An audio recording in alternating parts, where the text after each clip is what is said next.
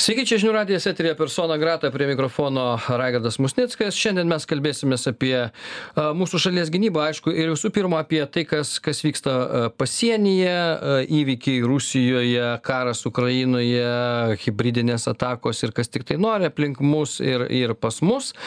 E, Visą tai verčia pasišnekėti apie sienos apsaugą, apie tai, kiek, kiek siena mūsų stipri ir tvirta. Antras dalykas, artėja pasieniečių diena, tai irgi gera proga atkreipti dėmesį į žmonės, kurie, kurie seka įvykius pasienyje, žiūri, kad visokių ten nelegalių migrantų nebūtų ir, ir taip toliau. E, Ir šiandien pas mus laidoje valstybės sienos apsaugos tarnybos vadas generolas Rustamas Liubajevas. Sveiki, generolė. Sveiki. Tai aišku, savaitgalis nebuvo ramus šitas, ar ne? E, tikrai savaitgalis buvo neramus. E, teko nemažai e, dirbti, e, nežiūrint į šventinę nuotaiką. Reikėjo kontaktuoti ir su mūsų partneriais, kontaktuoti su Lietuvoje esančiais partneriais, mūsų regione esančiais partneriais, su ES bei NATO kolegomis. E, Pirmiausia buvo svarbu O pirma mintis, kai a, išgirdot apie Prigožino visus čia džiaugsmus ir, reiškia, visus rūpešius, kokia buvo, ką, ką jūs pamastėt? E, Man tai nebuvo visai netikėtina, e, stebinant situaciją Rusijos federacijoje viso to karo kontekste, e, vėliau ir anksčiau e, turėjo prasidėti tam tikri procesai. Aš manau, kad tai pirmas toks e, e, geras pavyzdys ir parodo iš tikrųjų, kokia situacija yra Rusijoje, nes e, Putino režimas ko gero demonstruoja tokią vienybę tautos, rusų žmonių palaikymą karą, e, tačiau situacija parodė, kad toli gražu e, problemų yra ir matyt tos problemos laikui bėgant e, tikrai gilės e, ir mm, e, daugelis ekspertų analitikų sako, kad e, tai gali iš tikrųjų e, ir atvesti Rusiją prie tokio, nu, civilinio karo slenkščio. Em, Tai šitą... O tokia mintis apie, pavyzdžiui, sienas. Nu, mes, aišku, turim e, sieną su Rusija, bet jinai yra Kaliningrado srityje, anklavas, tam tikra prasme, bet jeigu prasideda neramumai Rusijoje, tai tam tikra, nu, čia, nežinau, koks pavyzdys galėtų būti, kaimynas ten, nežinau, pradeda su, su broliu kariauti tarpusavį ir staiga, nu, tu gyveni šalia kaimyno tvoros ir galvoja, čia nepradėsi dabar šaudytis ir ką nors daryti vis tiek, ar ten greut tvoros, ar dar kažką. Ir toj vietoj, tuo labiau Kaliningradas, jisai pakankamai militarizuota vieta yra, gal dabar aišku ten mažiau, matyti jau sumetė viską į frontą iš ten, bet vis tiek kažkas liko. Ir jeigu, ir jeigu reikėtų, pavyzdžiui, palaikyti Putino režimui kariuomenės, jinai kažkaip ten turėtų judėti per kur nors, nežinau. Ne, va, tos mintis, kokios jos ne, nebuvo tokios, o ka- kaip čia gali būti viskas. Visą laiką mes projektuojam ir, ir, ir analizuojam situaciją. Labai svarbu turėti pakankamai informacijos tam, kad e, įvertinti situaciją ir daryti tam tikras išvadas ir ruoštis e, galimiems scenarijams. E, Aišku, kalbant apie saugumo situaciją mūsų regione, jinai jau keletą metų yra labai sudėtinga dėl vykstančio karo, dėl e, ir hybridinės atakos, e, dėl kitų procesų, kurie vyksta ir mūsų regione, ir mūsų kaiminystėje. E, Ir, e, sakykime, ta saugumo situacija iš tikrųjų yra sudėtinga. Dėl to mes nuolat rūpinamės, e, kalbant apie valstybės sienos apsaugos tarnybą, e, rūpinamės e, saugumo situaciją prie valstybės sienos pagal, pagal mūsų kompetenciją. E, Kalbant apie e, karaliaučių, galima pasakyti, kad tai vis dėlto geografiškai labai specifinis e, Rusijos, e, e, Rusijos federacijos subjektas, kuris neturi tiesioginio susijungimo su kontinentiniu Rusija. Galimybės vykdyti kažkokią tai tranzitą yra gan ribotos, be to prasidėjus karui Lietuvos Respublikos vyriausybė pritaikė nemažai apribojimų vykimui per valstybės sieną. Be to, saugumo situacija mūsų yra visiškai skirtinga nuo situacijos Ukrainoje. E, Mes vis dėlto esame kolektyvinės gynybos sistemos dalimi.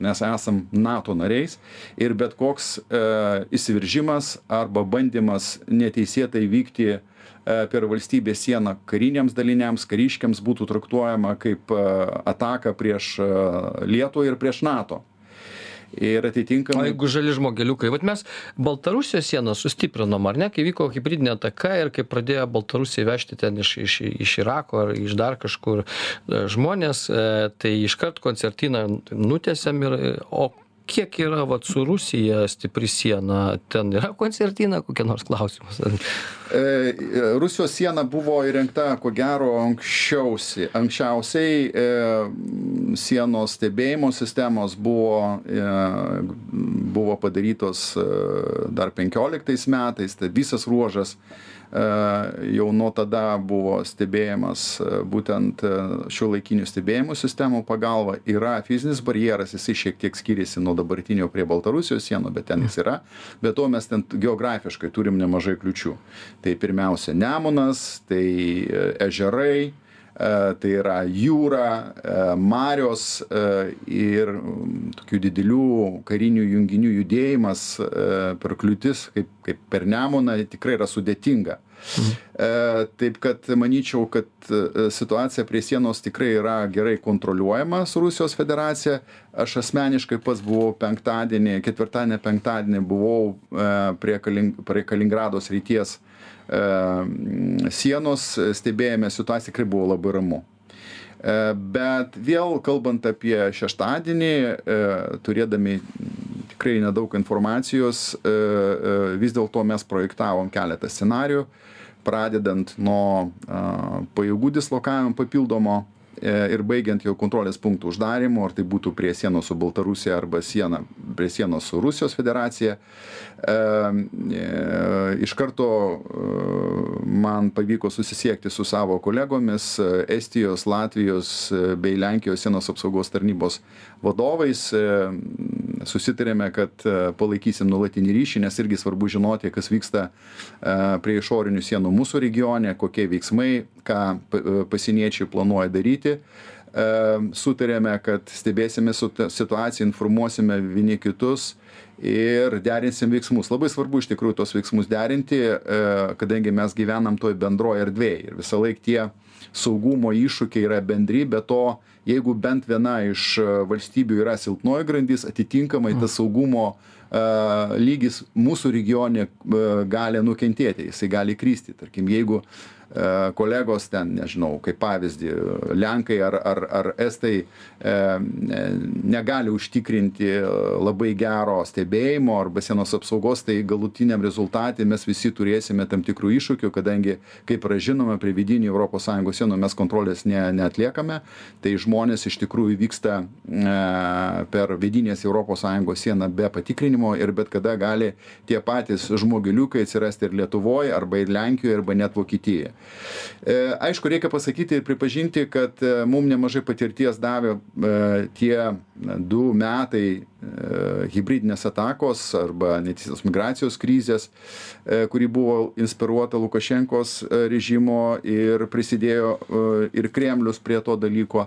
Dabar mes daug geriau įsivaizduojam, kas yra hybridinė grėsmė atsirado tas supratimas ir Europos Sąjungoje, ir NATO kontekste nes e, visąlaik sakykime e, hibridinių priemonių taikymas nu buvo tokia kaip ir ne visai e, e, išnagrinėta e, problema e, ir tik tai paskutiniu metu, pradedant nuo karo veiksmų ir Ukrainoje, ir Moldovoje, ir Sakartvelė, vis dėlto suprato, kad e, reikia nemažai dėmesio kreipti hybridikai, nes e, um, čia va toks vienas iš, iš tų naujo e, karo technologijų ir tai tikrai gali būti panaudota bet kur.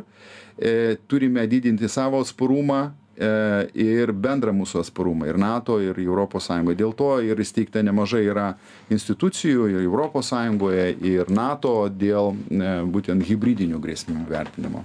E, dėkui generole padarom trumpą pertrauką po pertraukos pratęsim tęsiame persona grata valstybės sienos apsaugos tarnybos vadas generolas rustamas liubajevas šiandien mūsų laidoje. E, aišku e, ne specialiai bet įvykiai pasisuko taip kad yra ką pakalbėti dar ir be hibridinių visų reikalų bet irgi e, arti to Mm, yra, aišku, Prigožino visi reikalai. Dabar tik neseniai matyt pranešta apie tai, kad nusileido Prigožino lėktuvas Baltarusijoje ir čia visi tie nuogastavimai po truputėlį pildosi, kad neaišku, ką veiks ten Prigožinas Baltarusijoje, bet pats buvimas jau jisai mums yra nemalonus dėl to, kad ten su savo 20, nu neaišku, kiek jų ten nuskrido, bet ta visa publika, jinai gali krėsti kokias nors šunybes mums kaip manote generole gali būt kažkokių provokacijų ir kaip jos galėtų atrodyti ir ir ką pasieniečiai šiuo klausimu e, Vertinant tą situaciją, aš vis dėlto manyčiau, kad e, būtų sunku tikėtis būtent prigožino e, įsitraukimo galimybės į situaciją pasienyje. Jeigu ir būtų provokacijų, tai tos provokacijos NATO viršūnių sutikimo metu gali būti inspiruotos, organizuotas Lukašenkos režimo ir jo parankinių ir sakykime deja baltarusijos pasieniečiai yra būtent lukašenkos režimo įrankis ir tos provokacijos gali būti organizuojamos būtent pasieniečių arba kitų institucijų atstovų. Nemanau kad nu prigožinas dabar jau tada baltarusija jau yra tenai. Prigožinas arba jo samdiniai ten kažkaip tai įsitrauktų labai aktyviai į į į tas provokacijas. Tačiau galimybės organizuoti provokacijas prie sienos su E, Baltarusija tikrai e, tikėtinos. Aš apie tai kalbėjau e, jau keletą mėnesių ir, ir mes aktyviai tam dalykui ruošiamės šiai dienai. Situacija, kalbant apie neteisėtą migraciją, yra labai palanki, mes tų srautų tikrai labai nedaug turime, pavyzdžiui, per savaitgalį beveik jų nebuvo, tai buvo fiksuoti per, per visą savaitgalį tik tai du E, neteisėti migrantai, kurie bandė atvykti į Lietuvą. O čia vis dar kokie jie tokie, tie vis tie neteisėti migrantai, mes dar apie juos girdim, tai čia kaip, tin, kaip pavieniai COVID atvejai, tai dabar tokie pavieniai migrantai yra. Tai a, iš tikrųjų jie, jie čia jau tikri tokie, ar kokie jie ten nu, yra? Nu, tai tikrai, dauguma tų migrantų, ne, ne tik, tik dauguma, beveik visi šiuo metu atvyksta per Rusijos federaciją arba per Maskvą arba per kitus oro uostus ir toliau e, vyksta į Baltarusiją ir po to organizuojamas tų migrantų išstumimas. E, regiono kontekste, jeigu mes žiūrėsime apie situaciją, e, kalbėsim, žiūrėsime situaciją prie sienos, tai matyt daugiausia šiuo metu problemų yra prie Baltarusijos ir Lenkijos sienos. Nu, pateiksiu tokią statistiką, sakykime, nuo šių metų pradžios, sakykime, nuo sausio pirmos dienos, mūsų kolegos Lenkai fiksavo beveik 14 tūkstančių bandymų neteisėtai kirsti sieną.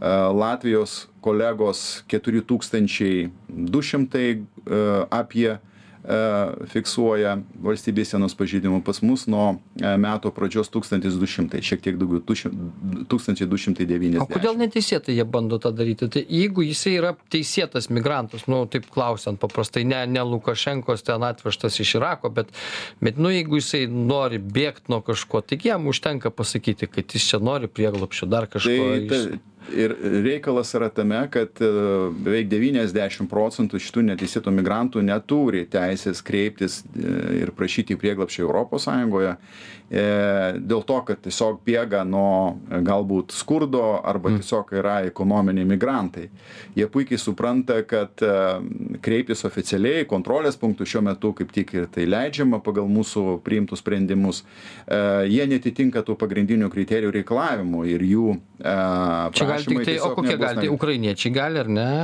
Yra ir kitų valstybių, sak, ten, kur vyksta kariniai konfliktai, kai žmonės uh, tikrai bėga nuo karo ir gali įrodyti, nes dauguma migrantų save neidentifikuoja, jie nenori bendradarbiauti, slėpia savo uh, pilietybę. Uh, tai suteikia tikrai uh, nemažai problemų mūsų pasieniečiams. Pirmiausia, pasienietis turi įvertinti jo situaciją, iš kur jisai vyksta, koks yra jo, tarkime, koks motyvas ir, ir, aišku, priimami sprendimai tik tai tuo atveju, jeigu atitinka tuos pagrindinius kriterijus. Ten daugiau yra valstybių, žinome, kur šiuo metu vyksta pasaulyje kariniai konfliktai, tai ne tik tai Afrika, tai gali būti ir, ir kiti kontinentai.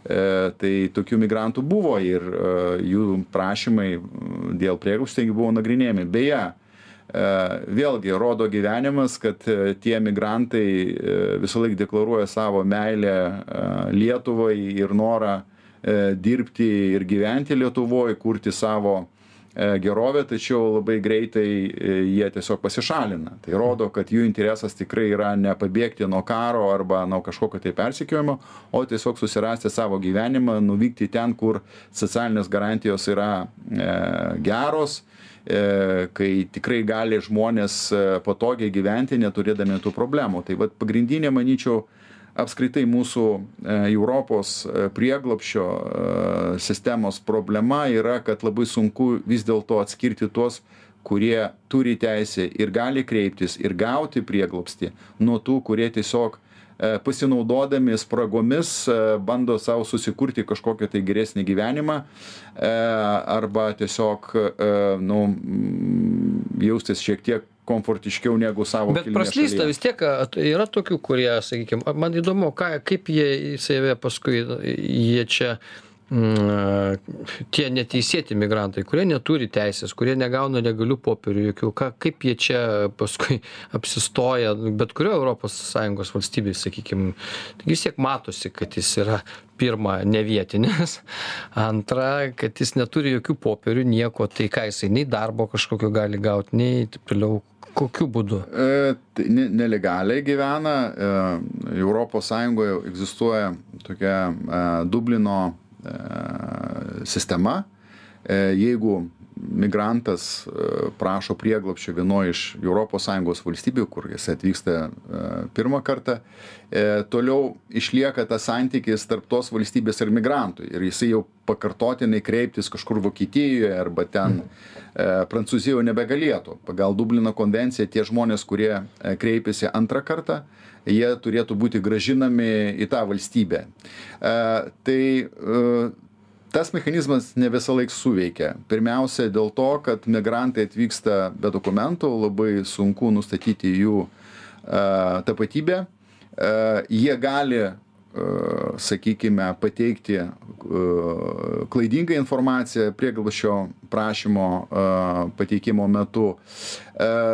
Dėl to gali būti taip, kad tiesiog tie žmonės kreipiasi arba vyksta nagrinėjimas, arba jie gyvena neoficialiai, neturėdami galimybių net, sakykime, dirbti. Dėl to mes matom, kokia situacija šiuo metu yra vakarų Europoje, kur, kur labai daug neteisėto migrantų uh, tiesiog gatvė gatvėse pardavinėja visokius suvenyrus ar ar ar net kas blogiausia yra įsitraukę į kriminalinę veiklą. Mm. E, matome, kokia situacija šiuo metu yra Švedijoje, kur vyksta, nu, tiesiog e, karai tarp organizuoto nusikalstamumo grupuočių įtraukiami nepilnamečiai migrantai. Didžiulė saugumo problema šiuo metu ir aš manau kad tos problemos gilės europoje. Dėl to labai svarbu mum tuos pagrindinius aspektus įvertinti pasižiūrėti kur yra spragos ir pabandyti kiek įmanoma greičiau tas spragas uždaryti ir nesuteikti tokią galimybę va tiems neteisėtiems migrantams pasinaudoti mūsų sistema E, ir po to kelti mum, e, tarkime, pavojų nacionalinę prasme arba viešojo saugumo prasme. Nu, bet mums o ką, nu, sakykime, pamatytume, kad čia gatvė, nežinau, pilies gatvė, kur nors prekiauja suvenyrais, e, e, tai visą laiką yra pavojus, kad migracijos tarnyba gali paklausti, ką tu čia veiki, kur tavo ten licenzija darbo, koks nors verslo liudijimas galiausiai ir taip toliau. Ir, ir išsiaiškinti, kad jis, e, o, o šiaip daugiau kur į kokias ten grupuotės įsifiltruoti turbūt ne, neipatingai čia gali. Tai policijos institucijos matyti tikrai tą situaciją žino, galbūt galbūt šiek tiek geriau, bet e, apskaitai, jeigu kalbėti e, apie e, tuos migrantus, tai turime įsivaizduoti, kad šiuo metu Europoje yra milijonai tų migrantų. šimtai tūkstančių ir milijonų migrantų sukontroliuoti ypatingai tuose valstybėse, kur gan tokios liberalios taisyklės yra labai sudėtinga. E, žinome vėl, Europos miestai yra tokie miestai, kur net tam, tam tikrus kvartalus net, e, ne, ne, net policija negali įžengti policija. E, ir tas gyvenimas, jisai ten verda žmonės. Aš tikrai nenoriu pasakyti, kad migracija yra blogis, visiškas blogis. Tačiau ta migracija turi tikrai būti reguliuojama. Jis negali būti vykdoma, organizuojama ne, be jokios kontrolės ir tuo labiau ta migracija negali būti panaudojama nu, politiniams tikslams pasiekti, kaip čia įvyko, tarkim, pas mus e, prie sienos su Baltarusija, kai Lukašenka turi ir, ir Kremlius, turėdami labai konkrečių politinių užduočių, tiesiog norėjo destabilizuoti ir pasinaudojo migraciją, žinodami, kad e, tai iš tikrųjų sunkus, hmm. sunkus sunkus klausimas Europos Sąjungai e, ir tikrai tikėjosi matyt pasiekė tų rezultatų, bet e, tų priimtų sprendimų dėka pavyko ne tik tai atremti, bet ir išspręsti problemą iš tikrųjų. Gerai, mes dar prie šito grįšim klausimo, nes, vat įdomu, vyksta karas, iš esmės baigėsi tos hybridinės atakos, kodėl čia nebevyksta jos, įdomu ir, ir, ir kaip jos galėtų vykti, kokiais, vykti, kokiais kampais mes dar galim pašnekėti, nes, nes ką reiškia rusams suorganizuoti milijoną mobikų, kurie vietoj to, kad būtų siunčiami į frontą, gali, galima pasiūsti prie, prie ES sienų ir, na, sakykim, tokiu būdu gal ten, nežinau, aišku, ką mes darytume šitoje vietoje, bet mes galėsim pasišnekėti apie tai, padarom pertrauką, po pertraukos pratęsim.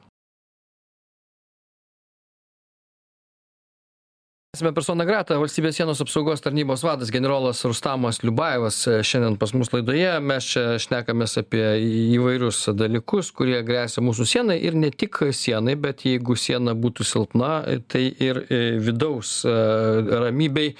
O kodėl generole vis dėlto baltarusija sustabdė tą hibridinę ataką tą hibridinį karą su migrantais nes gali vežt ir vežt vežt ir vežt čia kol ir ir kol mes čia užsikastume ar ne ar mes jau nebeužsikastume. Mes taip sutvarkėm reikalus kad iš esmės vežk kiek nori ir ir lukašenka nuleido rankas ar kaip čia galim pasakyt Na, pasakysiu, galbūt uh, intensyvumas gal šiek tiek pasikeitė, jisai ko gero pasiekė uh, tokią labai žemą lygį. Uh, bet e, ta hybridinė ataka tebevyksta.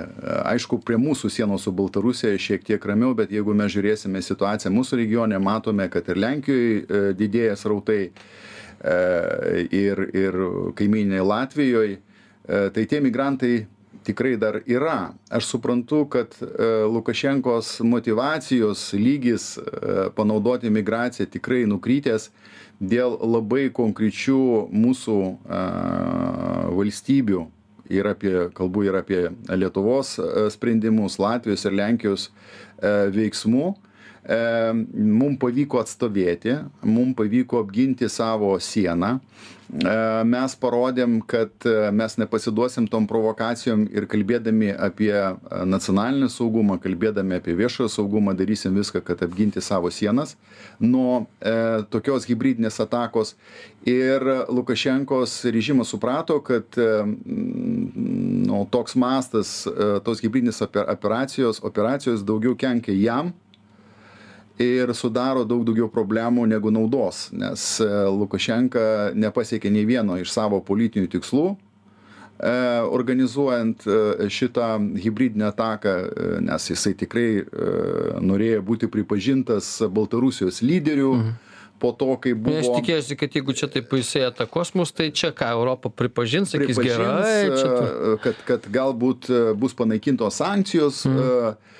Baltarusijos režimui dabar e, jau turime šiek tiek platesnį e, supratimą ir vaizdą. E, dabar mes žinome, kad hybridinė ataka mūsų regione tai buvo vienas iš pasirinkimo etapų intervencijai į Ukrainą, Rusijos intervencijos į Ukrainą. Tai ta hybridinė ataka buvo planuojama kartu su Putino režimo parankiniais ir matyt pasinaudoja ir tą patirtim kuri čia savo laiku irgi buvo organizuota prieš Europą, tai prisiminkime e, prieš e, porą gerų metų situaciją prie Rusijos ir Suomijos sienos, kai netikėtai atsirado labai daug migrantų prašančių prieglapščių. Panaši situacija buvo ir prie sienos su Norvegija tuo metu e, mūsų partneriai e, šiaurės valstybės e, nu, šiek tiek pasidavė tai provokacijai, prasidėjo dėrybos su Maskvos režimu ir režimas nu, pasiekė savo mm. toks tikslus. Šį kartą to padaryti nepavyko dėl būtent labai konkrečių sprendimų ir mūsų pozicijos. Kas dar yra labai svarbu suprasti mūsų žmonėmis, e, e, labai svarbu buvo tą kelią uždaryti. Jeigu nebūtumėm sakykime padarę tų veiksmų jeigu nesustabdytumėm migraciją jeigu neapgintumėm savo sieną ir savo teritoriją e, mūsų e, mūsų regionas taptų vienu iš neteisėtos migracijos koridoriumi. Tai tada turėtumėm šimtai tūkstančių migrantų judančių per mūsų sieną. Taip galbūt lietuva kol kas nėra e, sakykime jų interesas bet e, e, tuo metu tikrai turėtumėm nemažai problemų susijusių su saugumo užtikrinimu nes tarp tų žmonių kurie e, eina neteisėtų migrantų yra įvairių žmonių. Yra žmonių kurie dalyvavo karinėse konfliktuose kurie buvo arba yra tam tikrų e, teroristinių organizacijų nariais, tai visą laiką e, kelia labai daug susirūpinimo žmonėms. Dėl to tikrai buvo labai svarbu parodyti, kad tikrai migracija pas mus turėtų būti suvaldyta, jinai turi būti legalizuota ir netoleruosime nu, tokios neteisėtos migracijos ir nu, dabar Europoje vadinamas instrumentalizavimu neteisėtos migracijos. Tarp kitko, čia vėlgi yra, buvo Lietuvos e, nuopilnas, kad pavyko įrodyti mūsų partneriams Europoje, kad e, tai nepaprast, ne, netikra migracija, o būtent inspiruota, instrumentalizuota režimų. Mm E, ir o kaip man... jie įtikina tuos vat, visus, e, į, nežinau, iš Irako, iš Afganistano, kur ten atvažiuoja žmonės, bet, e, sakykime, ar, ar ten tikrai tiek norinčių yra važiuoti į Europą? Dėl to, kad kai kurie ten, nu, kaip pasižiūri, ten du mobiliakai iš kišenių išlindė po 15 tūkstančių dolerių rankose ir taip toliau tai panašu kad jie ten ir savo šalyse neblogai gyvena. Ko jie čia kaip juos sudomina? Ar ar čia vis dėlto jie tikisi kad dar geriau gyvens europoj e, tai buvo tikrai labai e, kruopščiai e, organizuota pirmiausia logistinė operacija buvo pirmiausia įsteigti Baltarusijos konsulatai tam tikruose regionuose. Pamenam, 2021 metais kažkuo apie 80 migrantų tai buvo Irako piliečiai, Kurdistano, Kurdistano sakykime, gyventojai Kurdistano autonomijos gyventojai ir po to, kaip prisimename, buvo panaikintas vizų režimas ir ne tik tai Irako, ten ir buvo kai kurių, kai kurių kitų šalių piliečiams ir tik tai po to buvo organizuotos tai vadinamos kelionės. E, man asmeniškai teko pačiam lankytis e, e, ir Irakė, ir teko būti ir Bilyje, tai yra Kurdistano autonomijoje matyti jų pragyvenimo lygį ir kalbėti su e, Kurdistano autonomijos vadovais. Jų manimų tai tiesiog buvo, tikrai buvo e, žmonės apgauti, buvo pasakyta, kad kelias tikrai labai yra Atviras. saugus, atviras, mhm. jiems tik bereikia tik tai prieiti prie pasieniečių ir pasakyti, kad jie prašo prieglapščio, nereikia jokių dokumentų, jūs po dviejų savaičių būsite Vokietijoje, galėsite gyventi ir džiaugti savo gyvenimu. Taip pat teko neformaliai bendrauti su Kurdistano autonomijos vadovais, kai kurie iš jų tikrai pripažino, kad situacija nėra labai E, gera, tačiau ir nėra labai bloga. Šiuo metu e, e, Kurdistanas tikrai turi nemažai galimybių toliau vystytis. Yra poreikis darbo jėgos. Kurdistanas, kaip yra žinomas, turtingas kraštas ištekliais, tarp jų ir nafta. Ir pavyzdžiui kai mes nusileidome erbilyje tai buvau tikrai nustebintas statybos sakykime statybos mastų o išvažiuodami iš pačio ir bilio į užmiestį, nu žinokit, kartais pas mus, jeigu išvažiuoja kažkur tai toliau nuo sostinės, pamatytumėm galbūt ir blogesnius vaizdus. Tikrai žmonės e, tikrai nėra m, taip jau blogai gyvenantis. Kita vertus, e, daugelis jų sako, kad e, e, Kurdistano žmonėms matyt, kaip yra svarbu turėti kažkokią tai europinį statusą. Ar tai mhm. būtų pabėgėlių statusas, ar tai būtų kažkoks tai dokumentas. Nu čia kaip ir e, kiekvienam gerbiančiam žmogui turėti gerą Mercedesą, jisai galėtų pasakyti, kad vat, aš turiu, reiškia, arba pilietybę, arba kažkokią tai statusą Europos Europos valstybėje. E, teko matyti, kaip gyvena ir, man atrodo, ir viešoje erdvėje buvo keletą tokių reportažų iš tų migrantų, kurie praleido keletą savaičių miškuose iš savo namų, nu žinokit, tikrai kiekvienas iš mūsų matyt pavydėtų gyvenimo sąlygom. Tai tikrai tas kraštas nėra labai jau nuskurdęs, be jokios abejonės ten matyt buvo savo problemų, o po to prie Irako prisijungė kitos valstybės. Ir, bet dar kartą pasikartosiu, ir kai kalbėjome apie tai, ar būtų galimybė organizuoti dar kartą, tai pareikalautų papildomų pajėgumų e, pareikalautų nemažai dėmesio, nes tai logistiškai yra sudėtinga operacija. E, ir sakykime vėl, jeigu kalbėti apie e, Rusijos galimybės šiuo metu organizuoti. Tai va, va jeigu milijoną tai, atsiųstų čia per Baltarusiją. Tai irgi labai sudėtinga yra, nes šiuo metu Rusija turi tikrai nemažai problemų ir kaip matome iš šio savaitgalių įvykių, tų problemų matyt bus daugiau artimiausiu metu. O paruošt e, tokią operaciją. Reikia pajėgumų, reikia laiko e, ir e, matyt reikia labai konkrečių tikslų. O jeigu būtų vat, pilietinis karas Rusijoje įvykęs, ar ne, sakykime, nu, ko visi čia ir tikėjosi savaitgalį ir daug būtų pabėgėlių, nugi bėgo per, per prasidėjus mobilizacijai iš rusijos bėgo žmonės į ten į gruziją į kitas šalis ir ir taip pat į europos šalis bet nu kaip jūs sakote tai nėra legalus be tai nėra legalūs migrantai dėl to kad pas juos kol kas nevyksta.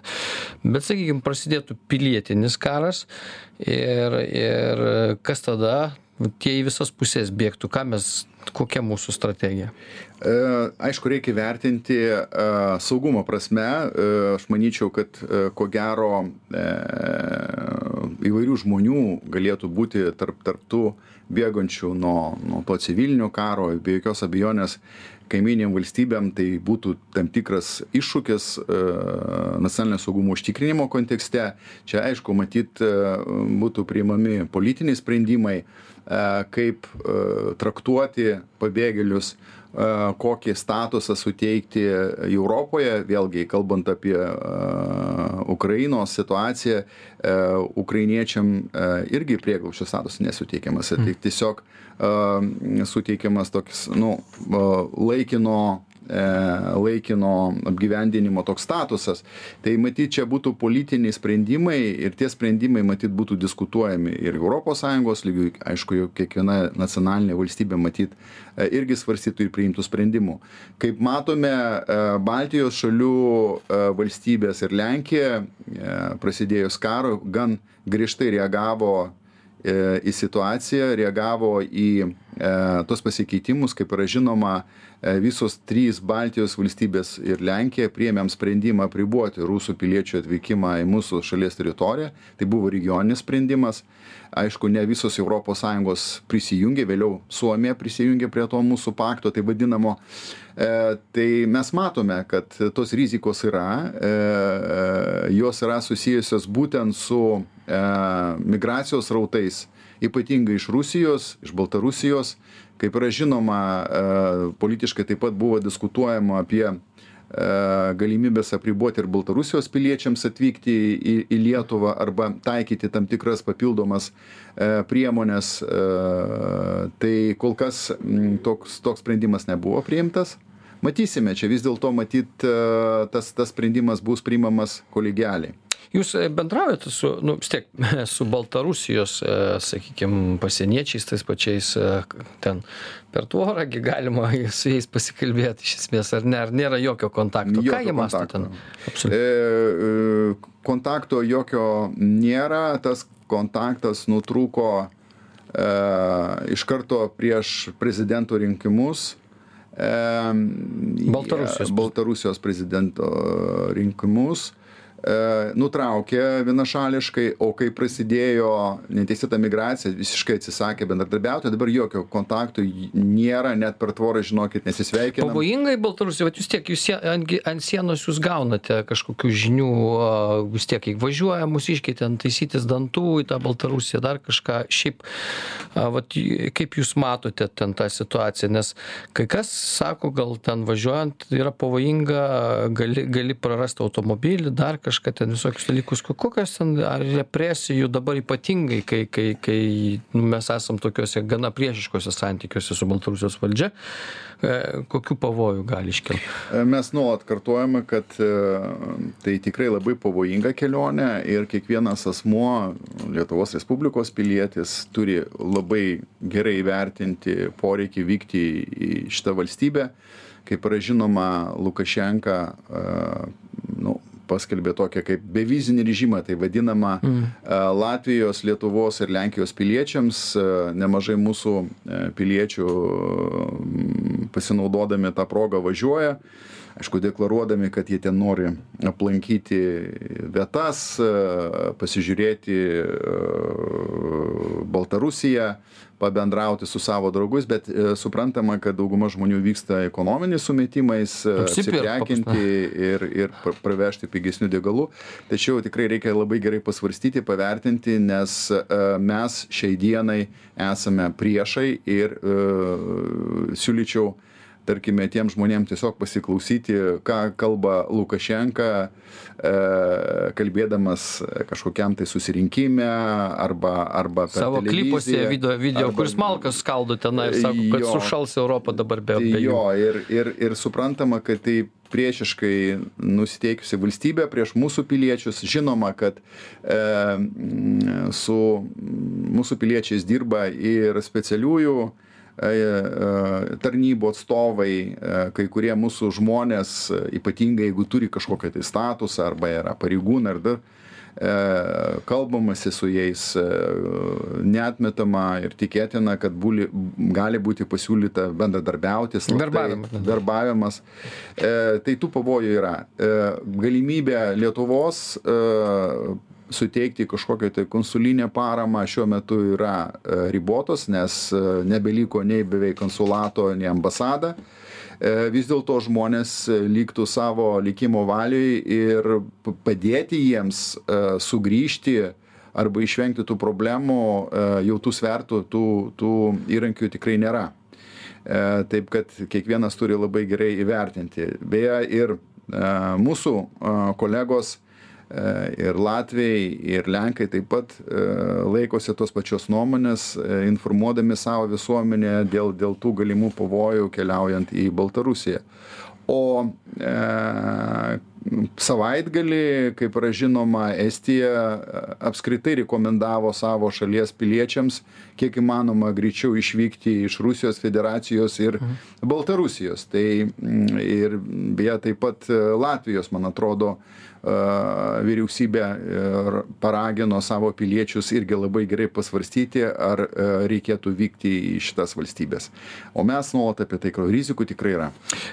Atnaujintas sienos priedangos planas turėtų būti priimtas dar iki NATO viršūnių sutikimo. Čia jūs kaip tik apie tai mhm. pranešėte. Gal labai trumpai, jeigu įmanoma, apie kas čia turėtų būti padaryta ir apskritai e, kokie čia gali dar pavojai būti per NATO ir, ir iki NATO. E, tai yra dokumentas, šiuo metu tas e, priedangos planas egzistuoja, bet jisai buvo parengtas jau prieš daug metų ir e, per visas tas krizės situacijas iškilo poreikis jį patobulinti. Su priedangos planu buvo daug dirbama, šiuo metu yra galutinis jos variantas. Vakar vyko gan tokios geros diskusijos su krašto apsaugos ministerija į Lietuvos kariuomenę, pavyko pasiekti susitarimą. E, ir artimiausiu metu jisai bus patvirtintas ir pasirašytas.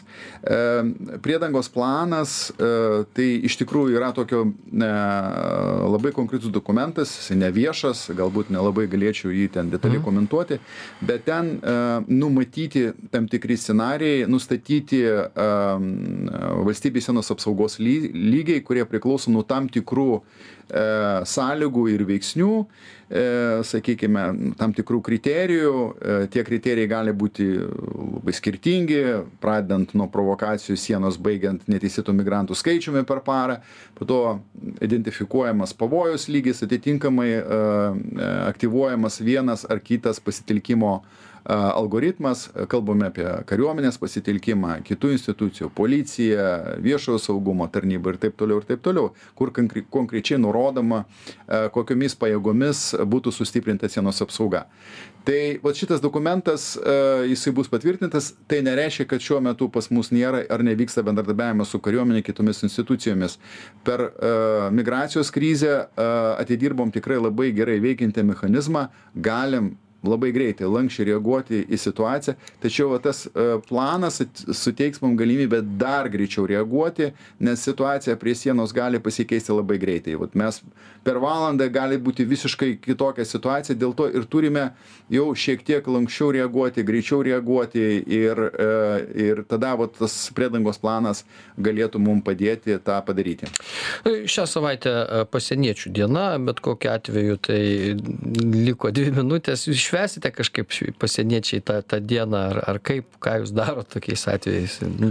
Pasieniečių diena e, visą laiką kai kai švenčia pavyzdžiui kur nors pasieniečių dieną tai lėktuvai praskrenda rusijoj į raudoną aikštę nusileidžia jo nu bet tikrai yra viena iš tokių svarbiausių dienų mums pasieniečiams. E, kiekvienais metais e, minėjimus mes organizuojam skirtinguose regionuose lietuvos.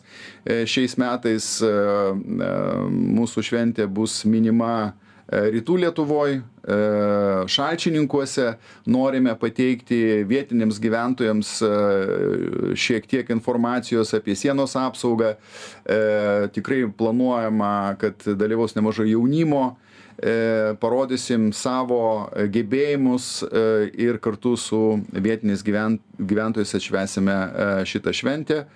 Tai irgi bus galimybė šiek tiek įvertinti mūsų darbo rezultatus, galbūt pabendrauti su vietiniais gyventojais, papasakoti apie mūsų saugumo iššūkius. Tikrai gera galimybė ir formaliai, ir neformaliai pabendrauti su, su Lietuvo žmonėmis, su vietiniais gyventojais ir vis dėlto pareklamuoti mūsų profesiją. Tas irgi yra labai svarbu.